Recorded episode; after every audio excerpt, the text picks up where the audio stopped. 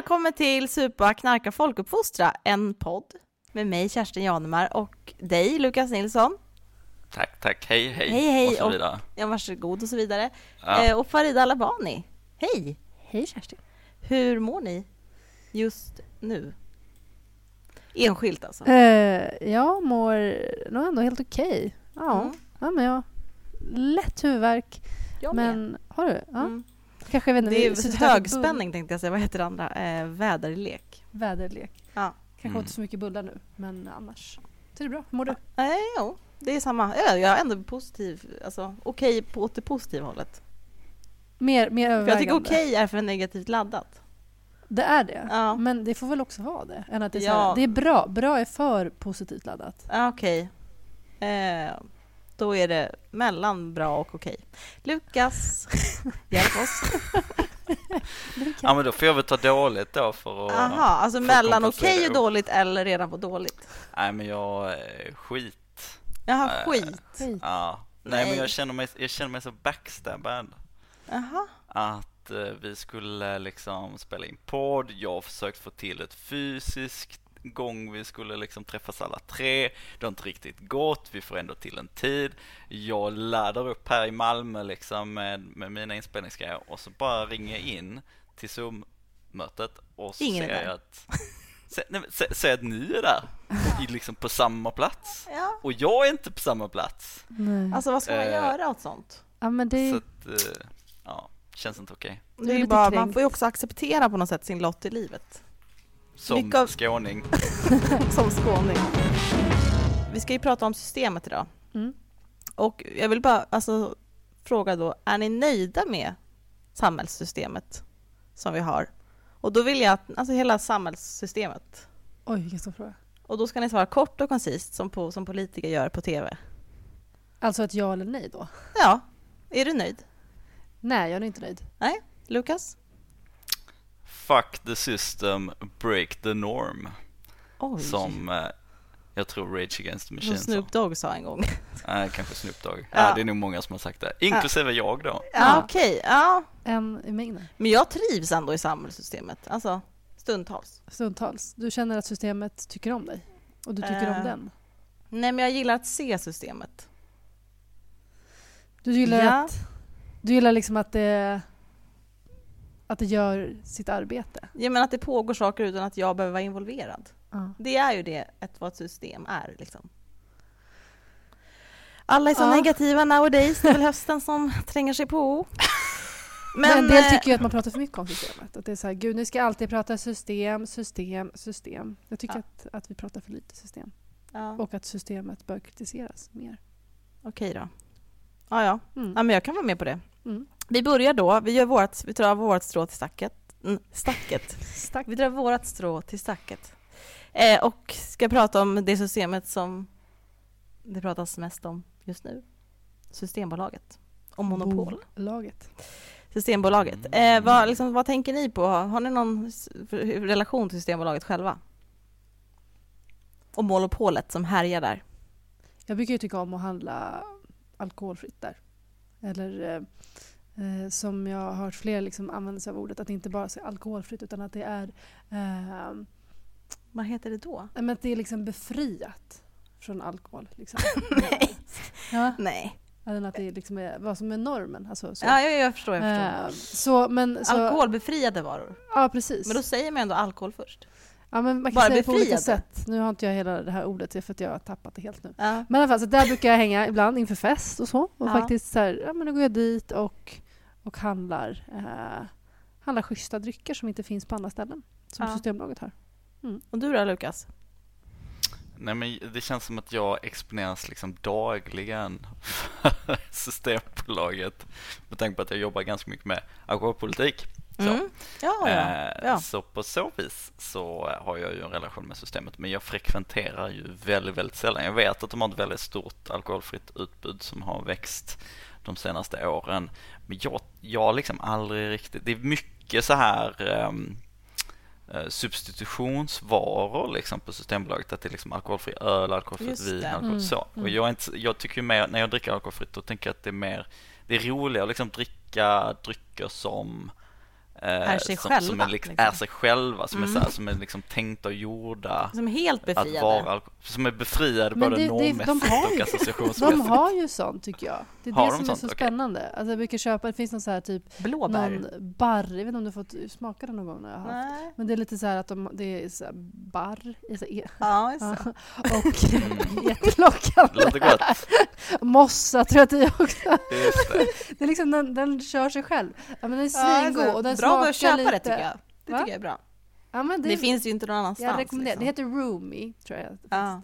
Men nu har inte jag sett det på ett tag. Nej. Och det är så olika olika butiker vad som kan finnas. Men det, för jag har också, jag, jag, dricker, inte, jag dricker inte öl Nej. eh, och jag dricker inte vin eh, och saker som kanske liksom mer går åt det, liksom ska, ska, Beska ja, men ska liksom. låtsas vara Ja, någonting det. annat Mm. eller vad man ska kalla det för. Ehm, men jag tycker om saker som, på, som för sig själva liksom kan vara, men så, flädersaft det är ju inte, det flädersaft. Liksom, Ja, eller liksom- någon god fläderdryck eller någon god sådär. Uh, de finns den här liksom absolut bär, tror jag. Liksom, eller så här 100% bär. Ja, men det är väl blåbär, Blåbärsgrej. alltså, blåbär på flaska liksom. Precis. Det Ja. finns ju olika sådana. Men så det, det tycker jag faktiskt. Men jag Det tänker mycket på min barndom, det säger inte så mycket men alltså att det var väldigt rolig arkitektur på Systembolaget. Jag minns att jag Aha. följt med som barn. Alltså jag var mer på systemet som barn. Eller? Okej, än vad du är nu? Nej. Eh, När du hänger med föräldrarna? ja, Eller? just det. Får barn gå in på systemet? Ja, Ja. väl. Men det var Jo, så här det ned, det var liksom så här barnanpassat. Det var liksom som en kassa, man gick fram till en kassa och sen var det liksom som en liten sits i kassan där man kunde sätta ett barn. Men det kan hända att det är något som har byggts bort för att det var fel. Vem vet? Men jag tänker Barnanpassat ofta- Systembolaget. Det Ja, känns men du vet, som att som man inte typ- riktigt tagit sitt samhällsuppdrag på allvar. att du skulle rulla med i rullbandet på Typ något som sätt? Ikea har liksom en lekhörna så var det här typ en Nej det var inte Men det det, var här- en hörna då. En hörna Det för var barn. ju det var ju också att man handlade över disk på den tiden. Exakt, men det var så Mm. trevligt att sitta. Det var så här äh, ljus, sån här kommun, kommunalträ liksom. Byggt eller vad man säger. Kändes väldigt 90-tal, Furu, kanske för att det var på furu. 90-talet. Ja, nej, men det var en helt annan, det var liksom en stämning där som, det var mysigt på något sätt. Men nu är du inte där så mycket eller? Nej. Nej. Eh, nej, verkligen inte. Eh, jag vet inte vad jag, nej. Jag går förbi ibland men alltså, ja, det är, Finns är det inte ett svar nära på- dig? Nej. Nej. det fanns ju här i närheten förut när jag var liten. Det var ju liksom ganska, man var, blev ju mycket så här jagad utanför system som barn av Ja. Berusade män i övre medelåldern. För det brukar, jag hörde det faktiskt av din mamma. Jaha. Faktiskt. Eh, vi, vi var på något Oj, ställe i vilken Stockholm. I, i, jag var i Kärrtorp i Stockholm Ja. som är en, en station härifrån där vi är just nu i Bagarmossen. Klockan är... Eh, och, eh, och då så har de gjort om väldigt mycket på det torget. Det ja, liksom där det, var ett systembolag när jag var liten. Precis, för hon Mm. sa att det var att det, liksom, det blir en annan grupp. Ja men det var lite rattiraj, alltså, och det Ja. kanske inte alltid åt det roliga hållet. Nej, för att man, man, Men man menar, drar det, sig det, dit. det, Det that goes without saying. Man bara, det är så här, ska man erbjuda det så kanske det är en del av liksom, systemet som kommer till ett system. Men blir det som det skulle vara systembolag? Är det för få systembolag? Ska de vara överallt? Skulle, jag tänker bara om där, där jag bor. Centrumdöden. Men där jag bor så finns det systembolag och där finns ju väldigt mycket alltså, Mm, män. Mm. som kommer tidigt och handlar och att det, som är omkring Systembolaget. Ja, Och det brukar också kallas liksom att så, här, men här är det mycket eh, alkisar runt det här området. Eh, så att jag vet inte om det... Ja, men det var också din Ja. mammas teori som också så här... ja, man bygger bort hon- det ja, liksom. det Men man göra. eh, flyttar också bara större grupper till större system. Ja, precis. Ja, det är ju en helt... eh, Ska vi Separat. ta den frågan? Tillgången till Hur Systembolaget. ska vi göra med... Men vad tänker ni kring eh, Lukas? Vi har ju gjort efterforskningar här. Farida grävt Mhm. djupt i arkiven och du har ju tänkt kring det här med monopol i ditt Ja. liv tidigare. Mm, mycket. Ja, vad har du tänkt då? Ska vi behålla det? Nej, men eh, det där var ju spännande för att ehm, eh, en gång i tiden i min, eh, i min infantila ungdom Mm. så hade jag så, så för några år sedan Ja. så, så jobbade jag ju på det jobbet som Farida har nu. Mm. Vilket i princip går ut på att man får väldigt mycket tid på att tänka och fundera och räkna. I alla fall så såg det ut på min tid. Eh, Ja. Så då, eh, då funderade jag en del på ganska mycket grejer och gjorde massa seminarium och skrev en del rapporter och sånt. Och bland annat en av de grejerna som jag gjorde var att jag eh, kikade på någonting som jag kallade alltså postmonopolism. Men vad är... Det liksom- tycker jag är ett svårt ord. Vad, liksom, vad Alltså- kännetecknar ett sånt om man ska förklara det för ett barn? Ja, men det är väl bara ett bajsnödigt sätt att säga hur skulle alkoholpolitiken kunna funka om vi inte hade haft alkoholmonopolet, alltså Systembolaget. Mm. Mm. Eh, Men sen så jobbade jag ju för en tankesmedja så då var man tvungen att hitta på något häftigt ord. Såklart. Så då Mm. hittade jag på postmonopolism då. Mm. Någonting som kan dyka Men det låter bra, tycker Liksom. Ja. Mm. Det är bra sökord. Mm, bra sökord. Ja. Mm. Ja, det är ju få personer som tänker ha lagt beslag på det ordet så att det kanske ska trademark-skydda det. Ja. Eh, nej men så då, ehm, så då tänkte jag på det och tog bland annat fram en seminarieserie som jag åkte runt och, pratade om. Och sen så skickade ju Farida det underlaget eh, till mig här för, för några veckor sedan. Jag hade ju totalt glömt bort allt det här. Eh, men eh, det var ju ganska intressant kan man ju tycka. Så. Men det bygger egentligen på så här hur hade, en alkohol, hur hade en alkoholpolitik sett ut utan ett systembolag? Och att istället, för att, för att jag uppfattar ibland att liksom pratar vi politik så pratar vi, så finns det liksom två krafter i samhället på något sätt. Där, eh, som allting kretsar kring. Eh, det ena är liksom de som vill bevara eh, eh, alkoholpolitiken som den är idag eller liksom, liksom de de fundamenten som finns ska bevaras och kanske till och med utvecklas och sen så finns det de krafterna då som vill montera ner alkoholpolitiken och den som är liksom den här tydligaste liksom symbolfrågan som liksom är den stora vattendelaren det är ju inställningen till eh, alkoholmonopolet.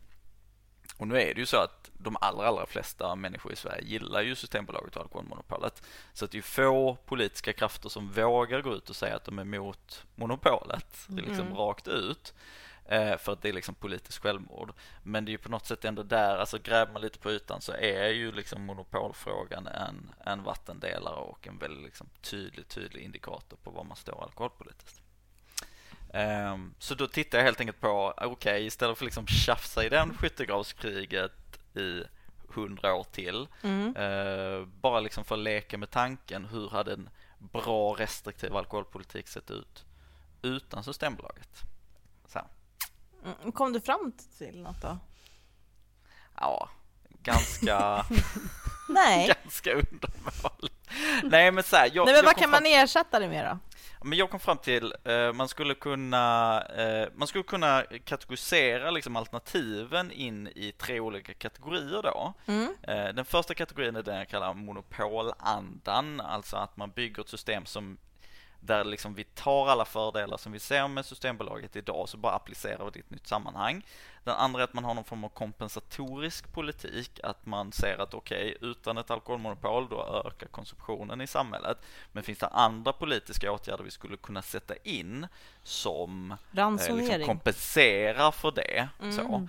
Och det tredje är ett, en alternativpolitik, alltså skulle man kunna bygga något annan form av liksom politiskt fundament som skulle kunna ersätta alkoholmonopolet på sikt och som skulle liksom kunna ge, kanske inte samma effekter, men eh, skulle liksom väga lika tungt sett till liksom hur mycket skador som reduceras och liksom hur stort ingrepp det skulle vara på, på människors eh, ingrepp, låter väl konstigt, frihet liksom, liksom, eller? Ja, vilket det ju inte heller är skulle jag ju säga för att då ser man ju Systembolaget som ett ingrepp på människors frihet vilket jag inte riktigt Men vill tillskriva mig. förutsätter Men, men ni ändå, fattar. det förutsätter väl ändå någon form av liksom statlig inblandning i vad någon gör av en produkt liksom?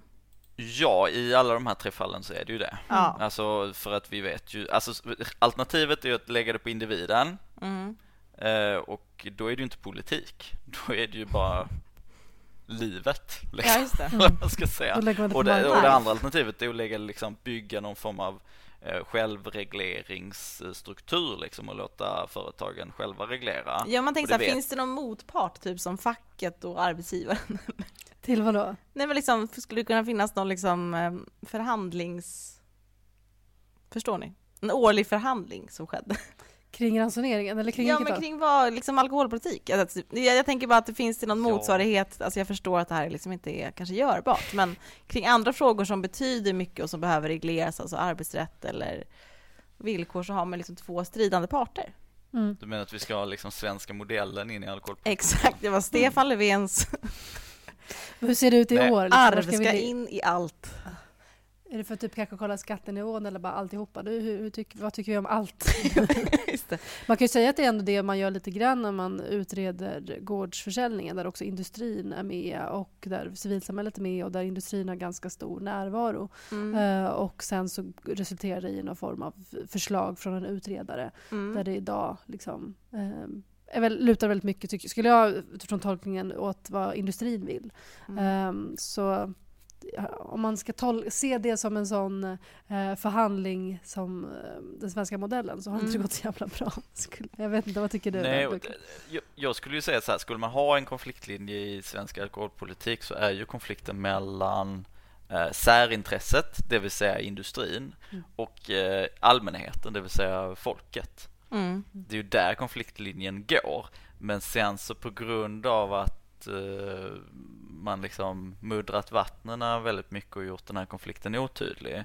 Kanske delvis faktiskt, om vi ska vara självkritiska, så är det kanske nykterhetsrörelsen delvis eh, liksom to blame här, att man liksom målat upp eh, konfliktlinjer mellan konsumtionsgrupper i samhället, mm. vilket ju faktiskt inte finns om man tittar på politiska, de politiska svaren. Mm. Um, så, så, men men de, de, den faktiska konflikten ligger ju mellan befolkningen i stort och eh, alkoholindustrin.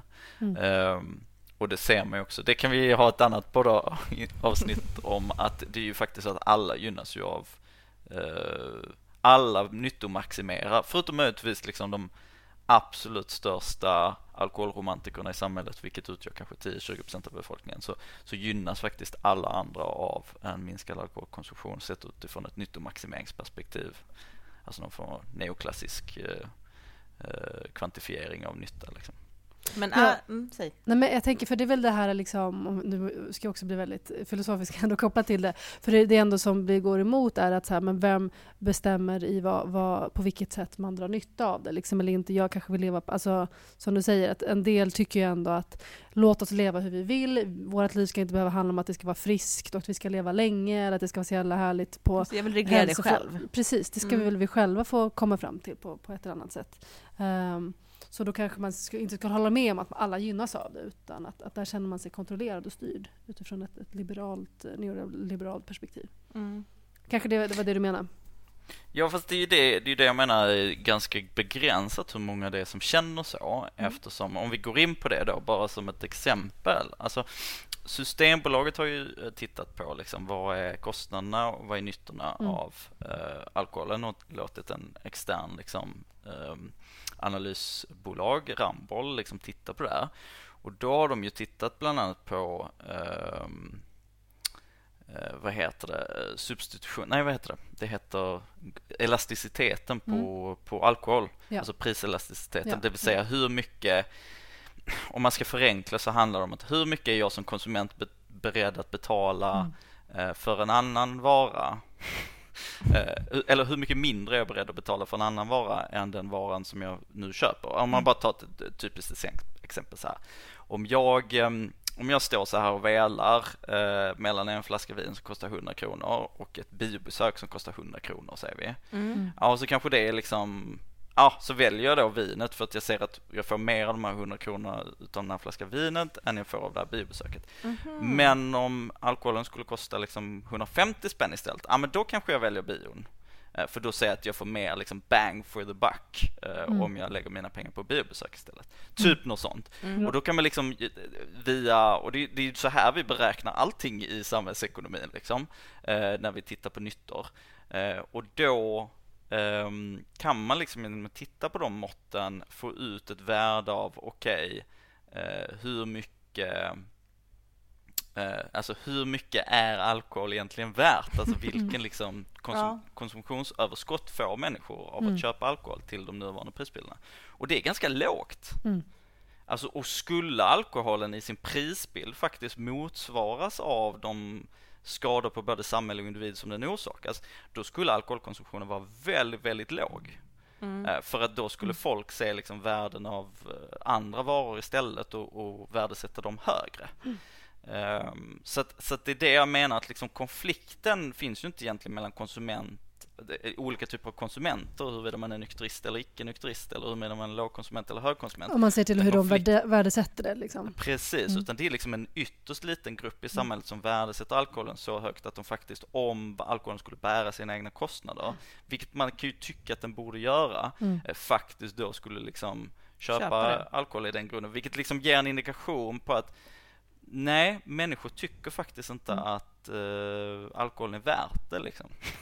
eh, sett till allt, men sen så blir det ju någon form av liksom ändå eftersom jag som individ inte behöver stå för kostnaden för alkohol Mm. när jag gör liksom själva konsumentvalet, då, eh, då kan jag ändå liksom uppskatta vin, sprit, öl, whatever. Um, vilket, vilket ju är ju liksom en, en, skapar en skevhet på marknaden på något sätt. Men tänker man ändå inne på sådana liksom typ strukturekonomimodeller där man pratar om typ miljö, liksom att man lägger på en skatt på någonting Mm. Mm. som är farligt liksom. Mm. Mm. Tycker ni att det skulle vara intressant ändå att laborera med det för alkohol? Nej, men det- nu, vi har ju en alkoholskatt och vi vet Mm. ju att så här, och den kommer ju höjas nu enligt, eh, eller, ja, beroende på hur budgeterna ser Mm. ut. Men eh, det är det som också, på tal om det som också Lukas beskriver, alltså det finns ju en föreställning om att, att, eh, att skatt inte alltid är så effektivt för att påverka konsumtion. Eh, men det är ju liksom det mest effektiva medlet vi har. Eh, både när det kommer till, jag som jobbat mycket med tobak förut, men även till, till alkohol så påverkar det både liksom samhällsskador och liksom människors konsumtion. Mm. Och, och att vi, vi ser att, att eh, och det, det finns många internationellt men även som nationellt som, som tror det motsatta eller tror att det skulle bli mer smuggling när man då ökar det. skatterna och priserna fast det inte är fallet. Um, Mm. så det, det, det, skattesystemet och skattereglering och, eh, på just de här eh, produkterna Men är det att det heter superviktigt. skattereglering som gör att det blir så ointressant? Eller? Och ett hot? Nej, men som också Nej, men som Lukas säger, Liksom skadereglering, typ. Ska vi införa Ja. skadereglering på flyg?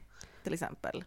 Just det. jag tycker Alltså att man typ så här försöker typ eh, liksom branda om skatten till någonting annat. Men om jag bara får Nej, bara... men det, och det är också så här, det blir ju alltid desto, eh, desto närmare konsument ett politiskt verktyg kommer, desto mer kontroversiellt eh, blir det. Mm. Är det så skatt det Eh, kanske är? Mm. Mm. Och, och, liksom, och desto mer man kallar det skatt, desto Längre bort från folket.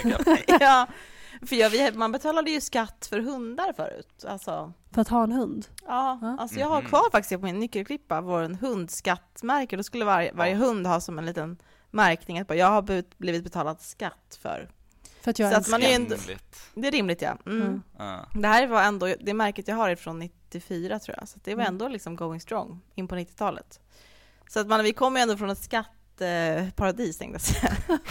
en skatt, eh, skattkultur. Ja, Jag tycker det ska vara fler incitament i samhället för att man inte ska skaffa hund.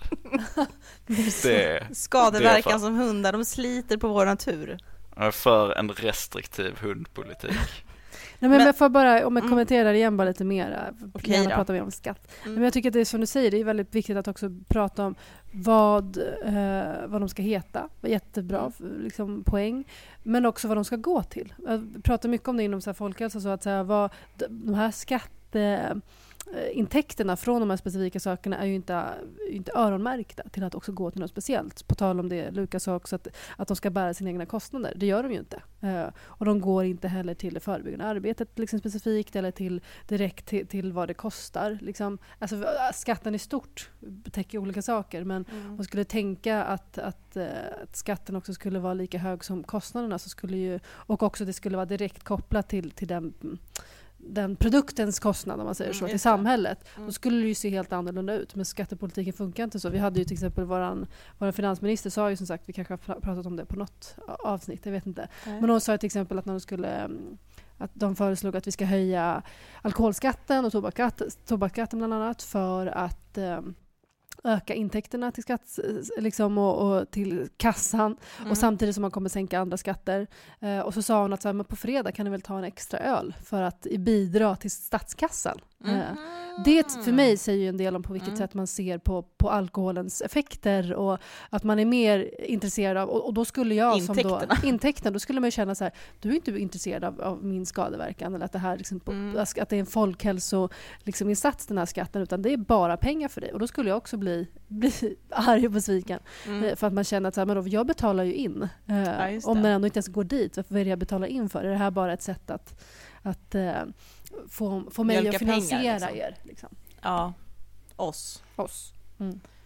Er.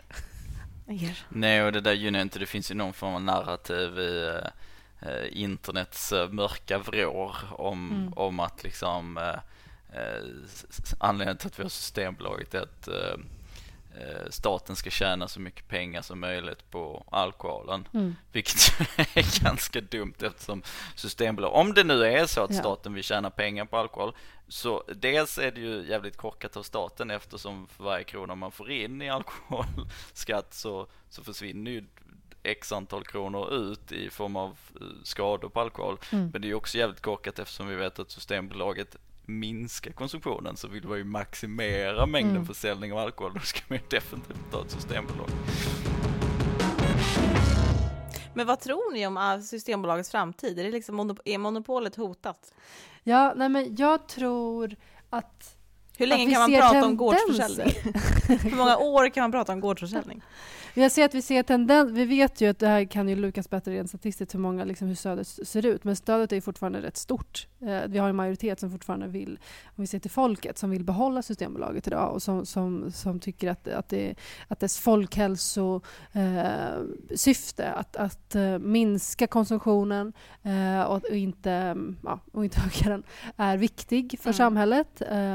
Och att, vi inte ska, att den in, minskar tillgängligheten, att det inte är någonting som ska finnas när som helst, att vi kan liksom reglera eh, både försäljning eh, och tillgång till vilka som faktiskt får tillgång till den men också när man får tillgång till den.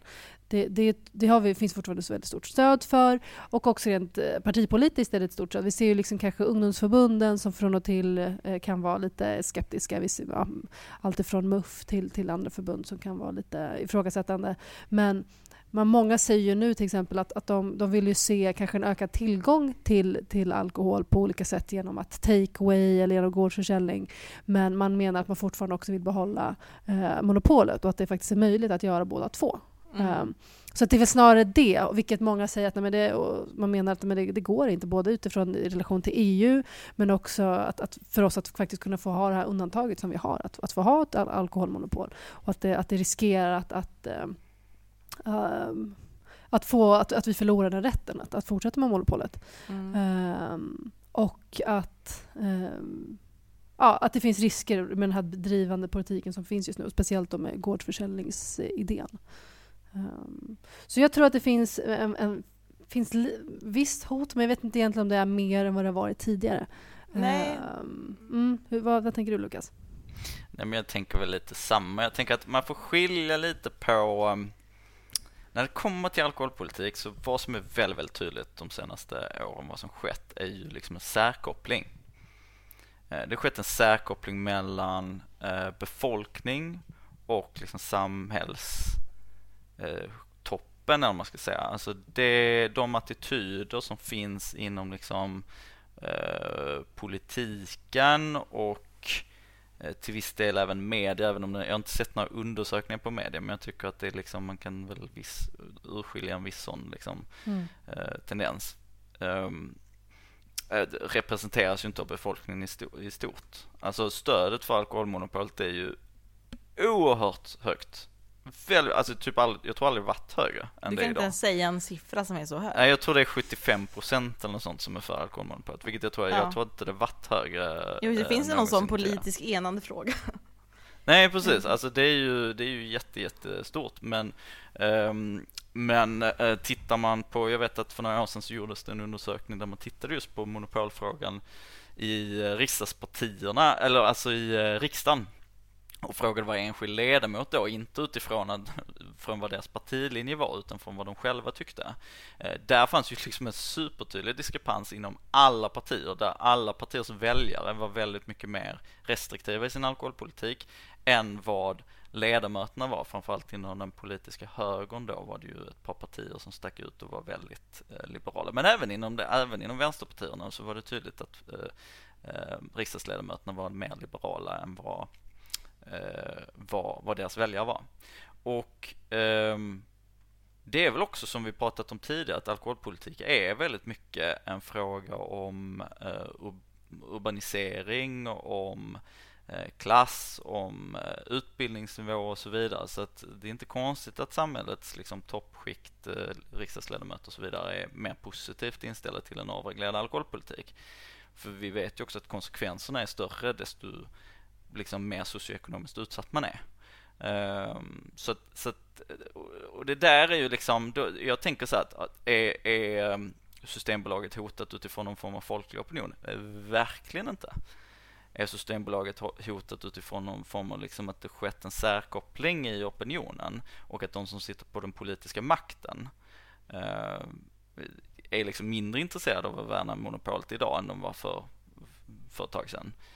Eh, ja, där finns ett reellt hot eh, och det hotet tar sig uttryck i att liksom man nonchalerar hoten som gårdsförsäljning och hemkörning och alla de här förslagen som har dykt upp på sistone eh, utgör mot Systembolaget eh, och liksom tar dem inte riktigt på allvar. Men alltså, jag har en, liksom, en, en teori som inte är förankrad i någon annan teori. Men kan det inte också vara så att var, varför folket också gillar Systembolaget, att det är liksom som, någon, ni vet soft power, att man pratar om hur liksom saker är betydande för ett land, fast det kanske inte är så Alltså jag kan inte ens förklara soft power på ett bra men ni vet vad soft power innebär. Jag har faktiskt inte hört det tror jag. Eller ja, men om man till exempel, ja, om man, eh, Saudiarabien är jättebra på att göra dokusåpor och säljer in det till folk eh, mm. till, i Sverige och så tycker vi bara, men gud, är det inte väldigt liksom eh, mysigt i Saudiarabien? Mm. De, mm. Man liksom säljer in sin, eh, sin ident nationella identitet genom mjuka, men jag tänker så här, mm. det man pratar om kanske pinkwashing eller vad mm. som helst. Man säljer in sin kanske lite hårdare stat med medel som är för att mjuka upp ens image eller? Ja, för att mjuka upp ens image. Ja men precis, mm. det var precis mm. det. Ja, det är ju att mjuka upp ens image som land. Men att Systembolaget är också liksom av en, en liten av en mysfaktor i Sverige. Alltså mm. att man ser på det som någonting som också är mer än bara ett sätt att reglera alkohol. Förstår ni vad jag menar? Att också har det finns liksom en identitet i Sverige att vi har vi har faktiskt tagit oss an det här och utomlands så kanske man pratar om det när man går i Spanien och ser vin i hyllan så bara, ja men vi i Sverige, alltså att man har Alltså moralism och typ sex har ju varit Sveriges liksom, ex, vi har ändå liksom exporterat det åt olika håll. Och liksom, I en fantastisk intressant kombination Ja men liksom typ såhär bara, vi är ja. så duktiga, alltså att vara duktig liksom i Sverige mm. är ju en, liksom en Sen bara, vi är mm. faktiskt duktiga, vi har faktiskt källsortering, det hade vi. Alltså, men, eh, jag har liksom inga belägg för det mer än att känslan att man bara... Vi har tänkt lite längre. Vi, vi har tänkt lite längre här, typ så. Vi har faktiskt sett någonting som heter Systembolaget, typ mm. så här. Alltså man liksom, det är lite, alltså vad ska man, liksom folk kanske om man skulle liksom inte göra en djup intervju och liksom prata om så här, vet du vad det innebär med Systembolaget, kanske man också skulle hålla med. Alltså jag stödjer också det som mm. i hela bakgrunden, att folk gillar Systembolaget för att det kanske reglerar någonting som annars skulle vara läbbigare. Men mm. också att det finns någonting i Systembolaget som är typ, ja men du vet känslan av när de ändrade posten till Postnord, att liksom bara, de förstörde någonting. Mm. Det gul, posthornet försvann och med det försvann också en del av Sverige. Nej men förstår ni vad jag menar? För att det är också Nej, men det är klart att det finns någon stolthet i det och liksom tittar man på alkoholattitudsundersökningar i typ Europa mm. så sticker ju liksom Norden ut och Sverige särskilt. Mm. Liksom. Men typ att man eh, gillar det? Ja, för att vi har liksom haft en tradition. Alltså det finns mm. ju en så jäkla... Nu har vi ju sig tappat lite av den de senaste decennierna och ligger lite efter faktiskt i ett antal frågor. Men, men generellt sett så är det ju så att alltså, förmågan att problematisera alkoholens inverkan på liksom samhället mm. är ju liksom så jäkla mycket högre i gemene liksom svensks eh, position och liksom se alkoholen som ett samhällsproblem är ju väldigt mycket högre i, i Sverige än det i gemene liksom kontinentaleuropeiskt perspektiv. Alltså jag mm. vet, jag har ju haft ett antal diskussioner om alkoholpolitik inom EU och inom eh, europeiska sammanhang där det är liksom många människor som inte ens ser det som liksom ett samhällsproblem överhuvudtaget. Alltså man har inte ens identifierat det som en fråga mm. som är värd att prata om, än mindre sätta in åtgärder kring. Liksom. Mm. Uh, och det kan man ju inte direkt liksom, alltså det finns ju ändå någon form av grundläggande konsensus i Sverige. i Sverige, att det är ja. så här vikt, viktigt att jobba med. Och det är ju, alltså jag tänker att Systembolaget har också liksom en folkbildande roll där. Att det är så här, liksom. ja, ja, bara genom att Systembolaget finns så blir liksom folk upplysta om att det här är faktiskt inte vilken vara som helst. Nej. Ja, precis, och det är i och med att det liksom, jag tänker också bara, bara på den reklamen man ser kring det. För det hade samtidigt också varit intressant alltså när man, då man då försöker skicka ut det budskapet att så här, nej men vi är inte till. Vi, det fanns ju den här roliga, jag tycker att den var lite kul, några så här uh, PR-nissar som kom från USA eller någonting sånt i en ja, reklam. Det, ja. Och så bara “We're gonna make this sell and then you put this over there, it's gonna be so good”. och, och, och, så de bara “No, in Sweden we don't do this, nej, we, we're, we're, we're here to sell less”. Och de bara “What?” och, och sen tror jag dock inte, för att men alla det... fattar ju inte. Alla fortfarande, jag, hade liksom, jag har inte sett någon sån liksom, senaste liksom, sån mätning, men bara att en sak är att kanske vara positiv till att Systembolaget finns, men också så här, vad är det man är positiv till? Alltså, vad, vad är, hur, vilken koll har man på på vad alternativet skulle vara. Var man mm. också så pass van vid det, men också vad, vad det är för någonting. Eh, sen tänker jag också på det här med, alltså när man pratar om Systembolaget nu och också kanske att det skulle kunna försvinna, tänker jag mycket på, men vår alkoholpolitik har också förändrats också i med eh, på marknadsföring och i och med liksom EU-inträdet och i och med liksom marknadsföringen i stort vad gäller alkohol. Det tänker jag är liksom en risk som också på ett sätt skulle kunna påverka synen på på alkohol i stort och på kanske Systembolaget i längden. Alltså, det kanske ser jag som ett större problem för att man då tänker att så här, men vadå, vi ska väl få göra det här och att det finns de här olika... Att vi liksom blir översköljda av så mycket alkohol på olika mm. sätt genom media och genom våra sociala medier och genom eh, ja, på så många olika kanaler. Liksom. liksom. Marknadsföringen mm. i stort är så, så aggressiv. Och det tycker jag att vi, om man ändå skulle kunna koppla in det till på vilket sätt det skulle kunna påverka för jag menar man ser ju vissa, när man pratar till exempel om att, att det här med märkning och att, att man inte ska få berätta vad som faktiskt finns i, i, vi har pratat lite om det också tidigare, vad som faktiskt finns i olika flaskor och sådär.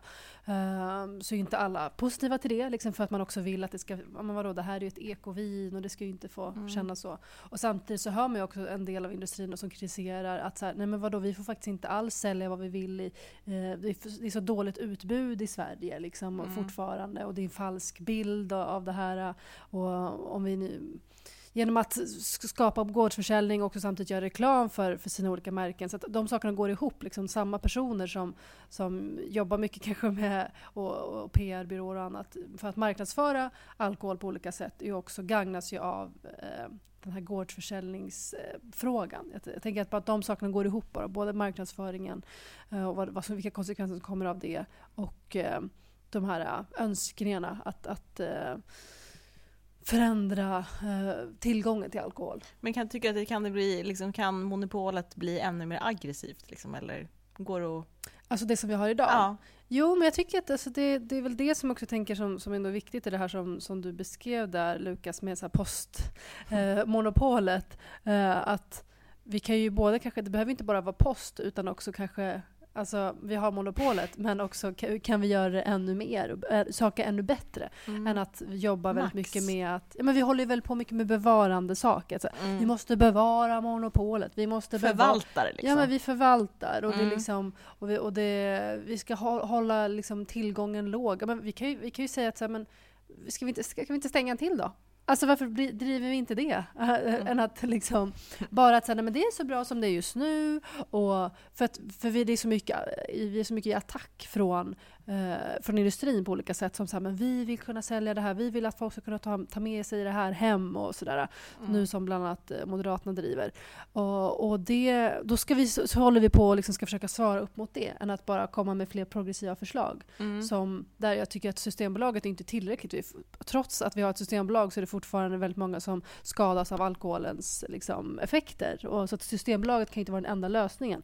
Mm. Och så, hur kan vi liksom också förstärka Systembolag, hur kan Systembolaget bli ännu bättre? Och nu, jag kan tycka till exempel att Systembolaget är ju är ju för, de är också kända för att de är sånt här bra kundföretag. Att folk mm. liksom, de har så bra bemötande och det är liksom en grej som de har. Mm. Trevliga. Uh, det är liksom. trevligt. Fan på, dåligt. Och det var ju också en grej här för, no för några veckor sedan eller månader sedan kring att de ville liksom börja sälja vin på burk för att det, det kanske liksom kan öka deras, ja men rikta liksom till unga, jag vet inte, minns inte exakt rubriken men att det är så här, men vänta, ni, ni ska liksom inte jobba på det här sättet. Va? Har ni tappat eh, fokuset kring att, att Systembolaget ska inte vara konkurrenskraftigt på, på liksom en internet, alltså typ gentemot nätet eller gentemot andra länder. Liksom, vi, ska liksom, mm. vi har inga andra att konkurrera mot egentligen, eh, förutom kanske restauranger och sådär. Liksom. Men eh, håller till, till det och försöka, än att bara vi ska ha ett jättebra utbud och det ska finnas allt det här och det här. Jag tycker att vi kan ändå vara lite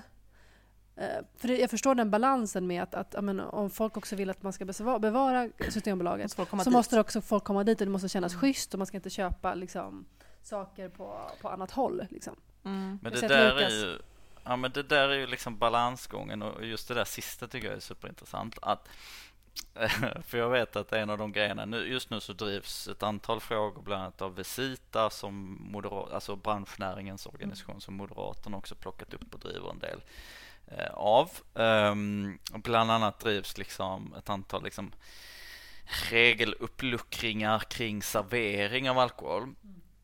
Och då var, eh, då var det en person som var ute i, i medierna för några veckor sedan och pratade om att så här, nej, men nuvarande regleringar hämmar innovation mm. inom liksom serveringen av alko eller liksom alkoholförsäljningen och liksom minska företagandet i det.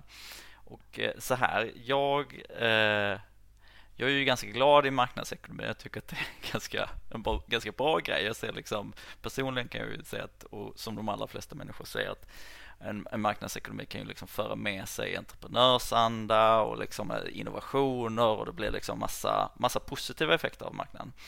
Anledningen till att vi inte har en marknadsekonomi när det gäller alkohol är just innovation. specifik den anledningen. Vi vill inte ha entreprenörsanda, vi vill inte ha företagsamhet när det kommer till att sälja liksom en mm. jättefarlig produkt för individ och samhälle. Ja. Det är skitbra att ha det när vi ska liksom sälja, jag vet inte, liksom kläder eller eh, stolar eller bord eller vad fan det kan handla om. Men vi får inte ha det när det gäller alkohol. Det är liksom hela poängen. Det var tack för att du narrow it down. och när vi liksom har politiker som går ut och säger så här, men nuvarande alkoholpolitiska regelverk liksom hämmar innovationsandan i ja. alkoholnäringen. Man bara, ja, det, det är poängen liksom. Det är som massa eh, slaktare skulle säga så här, vi tycker att det är, vi, vi, tycker att det är liksom för snävt på vilket att vi får slakta det på vilket Vi vill kunna göra det på mer kreativa sätt. Kan vi inte göra det på det här sättet? Man bara, nej, alltså det finns en poäng. Så, men, men, samtidigt så är det ju såklart att, att alltså, i den tidsandan vi lever i så, så alltså folk, folk eh, tolererar ju liksom otillgänglighet mycket mindre idag än förr. Sen är ju alkohol inte vilken vara som helst men jag tror att vi kommer gå mot liksom mer tillgänglighet av alkohol på olika områden. Men frågan, det jag hade velat se hade ju varit ett, liksom en alkoholpolitik och ett systembolag som liksom hade tänkt så här, okej, okay, vi kanske behöver öka tillgängligheten på olika sätt, hemkörning, kanske med en liberala öppettider och så vidare, kanske i framtiden och sådär. Men finns det andra sätt som vi kan ta vårt uppdrag för att minska tillgängligheten utifrån andra aspekter? Mm. Och då tänker jag sådana saker som liksom, varför har vi inte infört, alltså nu inom uh, spel världen så finns det någonting som heter spelpaus som gör att man kan registrera sig så att man inte kan köpa mm. spelprodukter mm. och som mm. liksom ligger över alla aktörer. Ja. Varför mm. finns det inte ett sådant system på alkohol till exempel? Mm. Skulle ju vara helt fantastiskt om det hade funnits ett sådant system. Vit vecka. Som, ja, ja. Nej, ett vit vecka och att det också fanns en spärr att man inte kunde liksom ta bort den på liksom fem minuters uh, tid utan det är så här, nu är jag nykter, jag inser att jag har problem, jag spärrar mig mm. och sen så mm. går det inte att få tag på alkohol liksom. Det hade, det hade varit, gjort så jäkla stor skillnad tror jag. Det finns för, ju forskare som föreslår det där. Ja, mm. och det, det hade ju varit, har vi ett systembolag och ett alkoholmonopol, då hade ju en sån åtgärd varit relativt enkel att implementera. Visst, man kanske hade behövt kanske inte, det kanske hade varit svårt att implementera den över, över liksom krognäringen mm. men man hade ju definitivt kunnat implementera det i detaljhandeln. Mm. Eh, och jag tycker, jag hade ju önskat att man säger, ah, okej, okay, vi kanske släpper på lite liksom tillgänglighetsbegränsningar för att liksom möta en ny tidsanda, men vi inför en sån begränsning Ett nytt istället. lager liksom. Mm. Ja, ett nytt lager av tillgänglighetsbegränsning som Mm. liksom påverkar på ett annat sätt Ja. men som är mer accepterat i, i dagens liksom, eh, landskap. Eh, och där tycker jag att vi saknar ett, en politisk drivkraft i att faktiskt liksom ta fram de förslagen. Framförallt när vi har politiker då som säger att alkoholpolitiken hämmar alkoholnäringens innovationskraft. Man bara, ja, vad fan liksom. Ruta ett, ja. Ja. ska vi börja? Ja, Men ändå bra innovationskraft i att lägga sådana liksom, andra motförslag. Motbud. Ja, Mm. absolut. Finns det någonting som hämmar motbuden? Att vi, att Att vi kommer men att vi inte är så progressiva Exakt. själva. Ja, men det är väl att, att, Att man liksom vi... stirrar sig blind på Systembolaget som institution. Eller? Både det och jag tänker jag att, som jag sa kanske lite innan, att, att vi, vi reagerar mer med ilska på att säga Gud, har du sett det här? Nu har de föreslagit det här och de föreslår det här. Och, och att oftast, speciellt när de, de alltså om det är olika liksom, intresseorganisationer eller partier, att eh, många av dem, och, och för vi representerar ju också, jag och Lukas, och vi, folket Mm. skulle jag Jaså? vilja säga. Medan de här andra representerar oftast eh, men företagsintressen, eller Visita Mm. re- representerar ju verkligen det. Och eh, då blir det ju, men då känns det som att det är en helt annan ekonomisk kraft som de har, som man känner är viktigare att säga, men gud, nu är de på här och vi vet att de ibland faktiskt kan få igenom sina förslag för att det är så pass aggressivt och det, de har olika sätt att, att övertyga. Lobby. Och jag menar, Ja. vi ser vi till också till vilka som har majoritet i landet så, så har en del av de här sakerna gått igenom. Så att det är ju inte bara hittepå-idéer som vi bara kan nonchalera utan de har faktiskt effekt. Eller kan ha det. Så därför är de ju väldigt viktiga att också reagera på. Men jag menar väl också att vi ska också vara kanske medvetna om hur mycket tid vi lägger på, på den här reaktionen på dem samtidigt som vi Mm. lägger för lite tid på egna kreativa förslag eller att lägga på kraft på att sam- samarbeta med, med företrädare för olika organisationer och partier vad kan vara för att berätta för dem om att hur kan ni vara progressiva? Det här är liksom ett, ett annat batteri av, av, av saker som vi skulle kunna vara progressiva kring som vi skulle kunna införa och, och driva istället för att känna att, att de också bara behöver... Sätter ham- agendan. Ja, men liksom. precis. Mm. Jag tänker bara som ett förslag som kom förra veckan om, eh, nu går jag verkligen till ett helt annat eh, ställe här nu, men ändå. Eh, det har ju varit mycket fokus på, på gängvåld och på, på, på, på gatumord och sådär, eh, eller på, på skjutningar. Och så var det ett förslag som kom från, från SD här nyligen, att så här, men vi tycker att man borde göra det eh, olagligt för Sveriges Radio. Eller, liksom, eller se till att Sveriges Radio inte får sända den här musiken från gangsterrappare. Mm. Och det är ett förslag som man vet, det här kommer inte gå igenom. Men Mm. det är ju, om vi får kalla det för progress, alltså på, på, från ett sätt kan man säga att så här, de, kom, de går ut och säger det här är ett förslag vi har, vad tycker ni om det? Reagera på det. Ja, Och då det. blir man så här, men gud vad är det för konstigt förslag och så. Ja. Men man kan ju säga vad man vill om förslaget, Och men det här, skapar men ju det debatt. finns en poäng. Ja, Ja, precis. Sen Mm. vill man kanske inte alltid ha tomma saker som folk bara ska liksom håna och Reagera skratta på, på. ja. liksom. Men vi kan absolut bli bättre på att så här, testa lite förslag och, och gärna saker som också inte behöver vara... Det finns massvis med förslag som bara inte vi, som jag och Lukas hittar på och andra, men som vi skulle kunna lägga, få fram ljuset mer helt Mm. enkelt. Och få fler att faktiskt reagera på och, och säga att det här är eh, seriösa förslag. Vad kallas sån opinionsbildning? När man liksom är... Man vill, man vill egentligen inte det man vill lägga fram.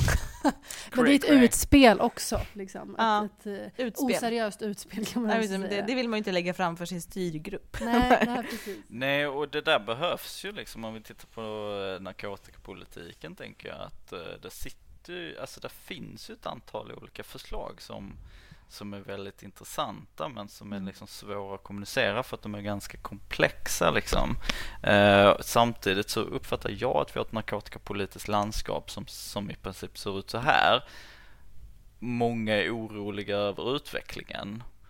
Eh, men många vet inte riktigt vad de ska göra. Mm. Och sen så finns det liksom en eh, dragpositiv rörelse som liksom hoppar in i det, i det vakuumet och liksom tar utrymme Ja. och tar tolkningsföreträde Mm. eh, för att de förslag och idéer som, som liksom mer drogmedvetna eller drogrestriktiva liksom, krafter står för är oftast ganska, nej men återigen det här som vi pratade om innan, väldigt, väldigt träiga och eh, det handlar om samordning mellan olika myndighetsinstanser, det handlar om mm. anslag till ANDTS eh, samordnare och kompetenscentrum i preventionsmetoder och allt vad det handlar om. Liksom. Alltså, ja, ja, det, går, det går inte liksom, det går ju fant att se det och få något medvind liksom. Då är det enklare att stå och skrika legalisering och sen så liksom mm. Eh, så rycks eh, en person i taget med i det liksom.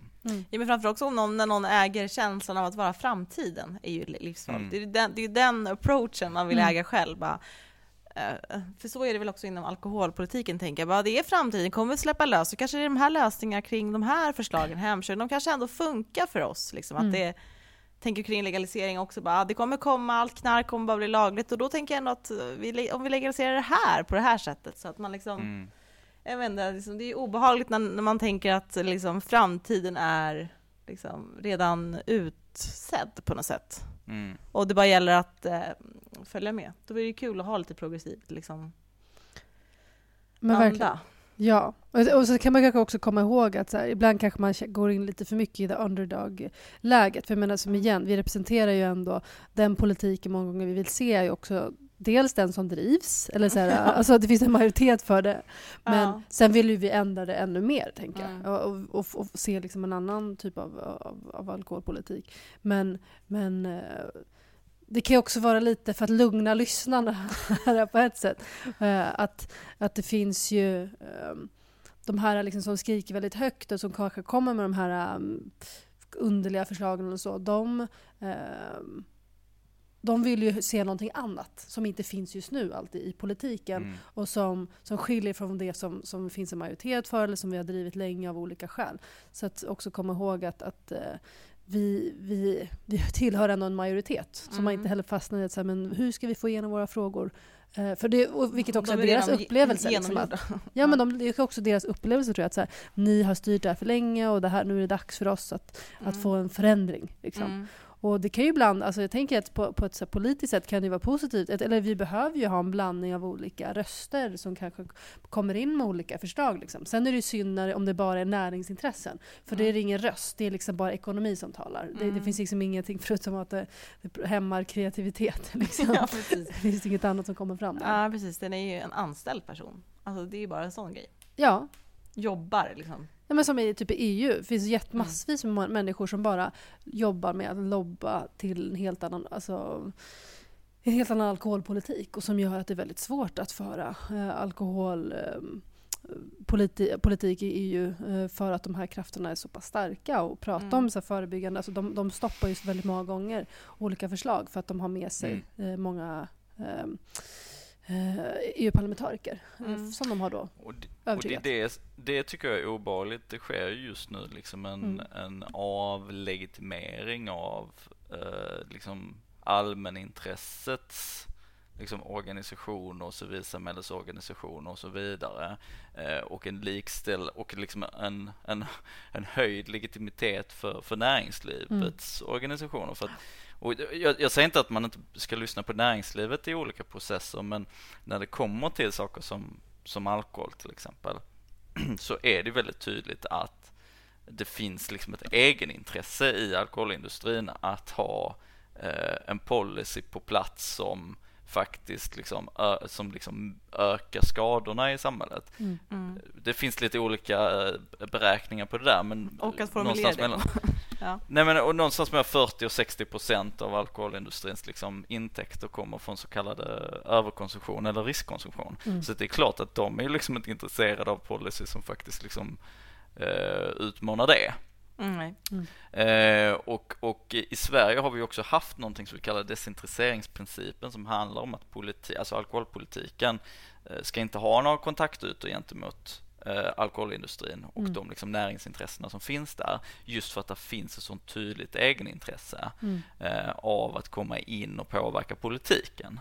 Eh, och, det som, och, och, det uppfattar jag liksom luckrats upp under de senaste decennierna mm. och liksom nu eh, alkoholindustrin blir inbjudna i fler och fler finrum och det är superproblematiskt samtidigt som att ja, men, till exempel den organisationen som jag företräder, IG Tenta, har liksom eh, minskat sin legitimitet och vi likställs med en sån organisation. Mm. Men jag tycker att det är, det är ju faktiskt en jäkla skillnad mellan en organisation. Vi är 24 000 medlemmar i IG Tenta och ungefär 40 000 om man räknar in våra barn och ungdomsförbund. Mm. Alla våra medlemmar är ju liksom, de har ju inget egenintresse Mm. av sitt medlemskap.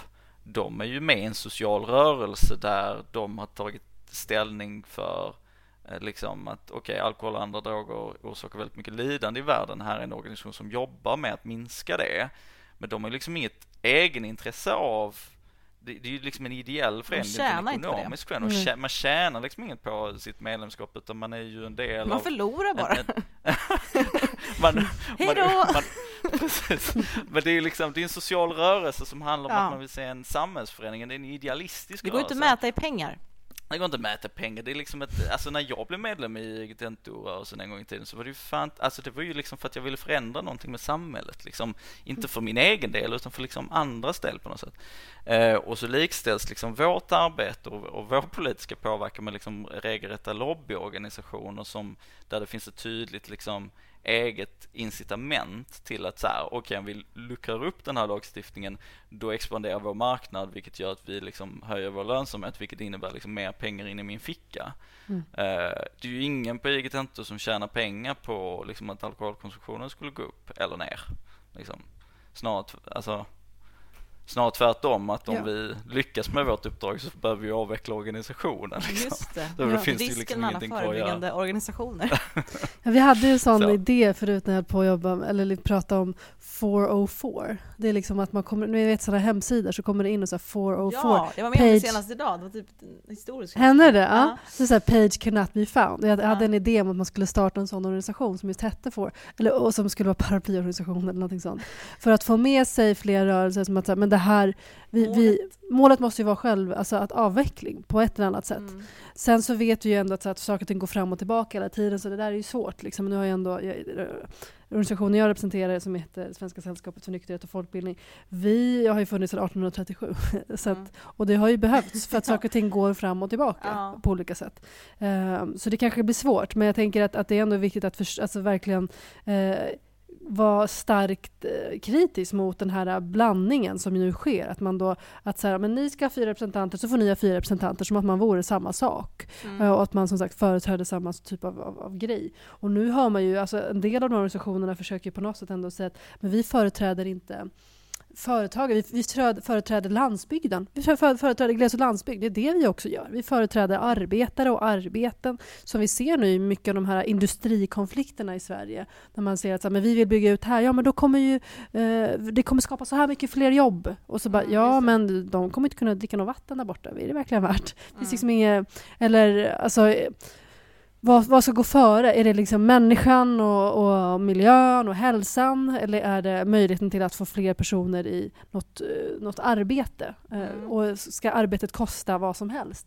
Och Mm. kommer det ens bli något arbete? Det är det som vi också ifrågasätter. Alltså vi, vi vet ju att det är, det är väldigt mycket så här eh, hitta på siffror som industrin också så- som de beskriver att ja, men det här kan leda till så här många fler arbeten och det kommer bli besöksnäringen i Falun eller vad det nu kan vara liksom, Mm. eller i Skåne kommer ju verkligen skjuta i höjden om vi inför eh, eh, gårdsförsäljning, som man kallar det för. Men som vi också vet inte ser ut så i praktiken utan försäljningen kommer mer centreras kring städerna och, inner, och, och, Mm. och att det, att det kommer bli liksom en annan form av försäljning. Eh, så att jag tycker att, att det är viktigt att så här, men på vilket sätt företräder ni gles och landsbygd? Och, och vad betyder det? Och vad betyder det här? För oftast är det just innovation som används som ett argument och också arbete. Mm. Och jag är väldigt, personligen väldigt kritisk till att, att Till prata om saker. innovation och arbete. De två sakerna tycker jag att jag verkligen ska slå. Jag hatar det.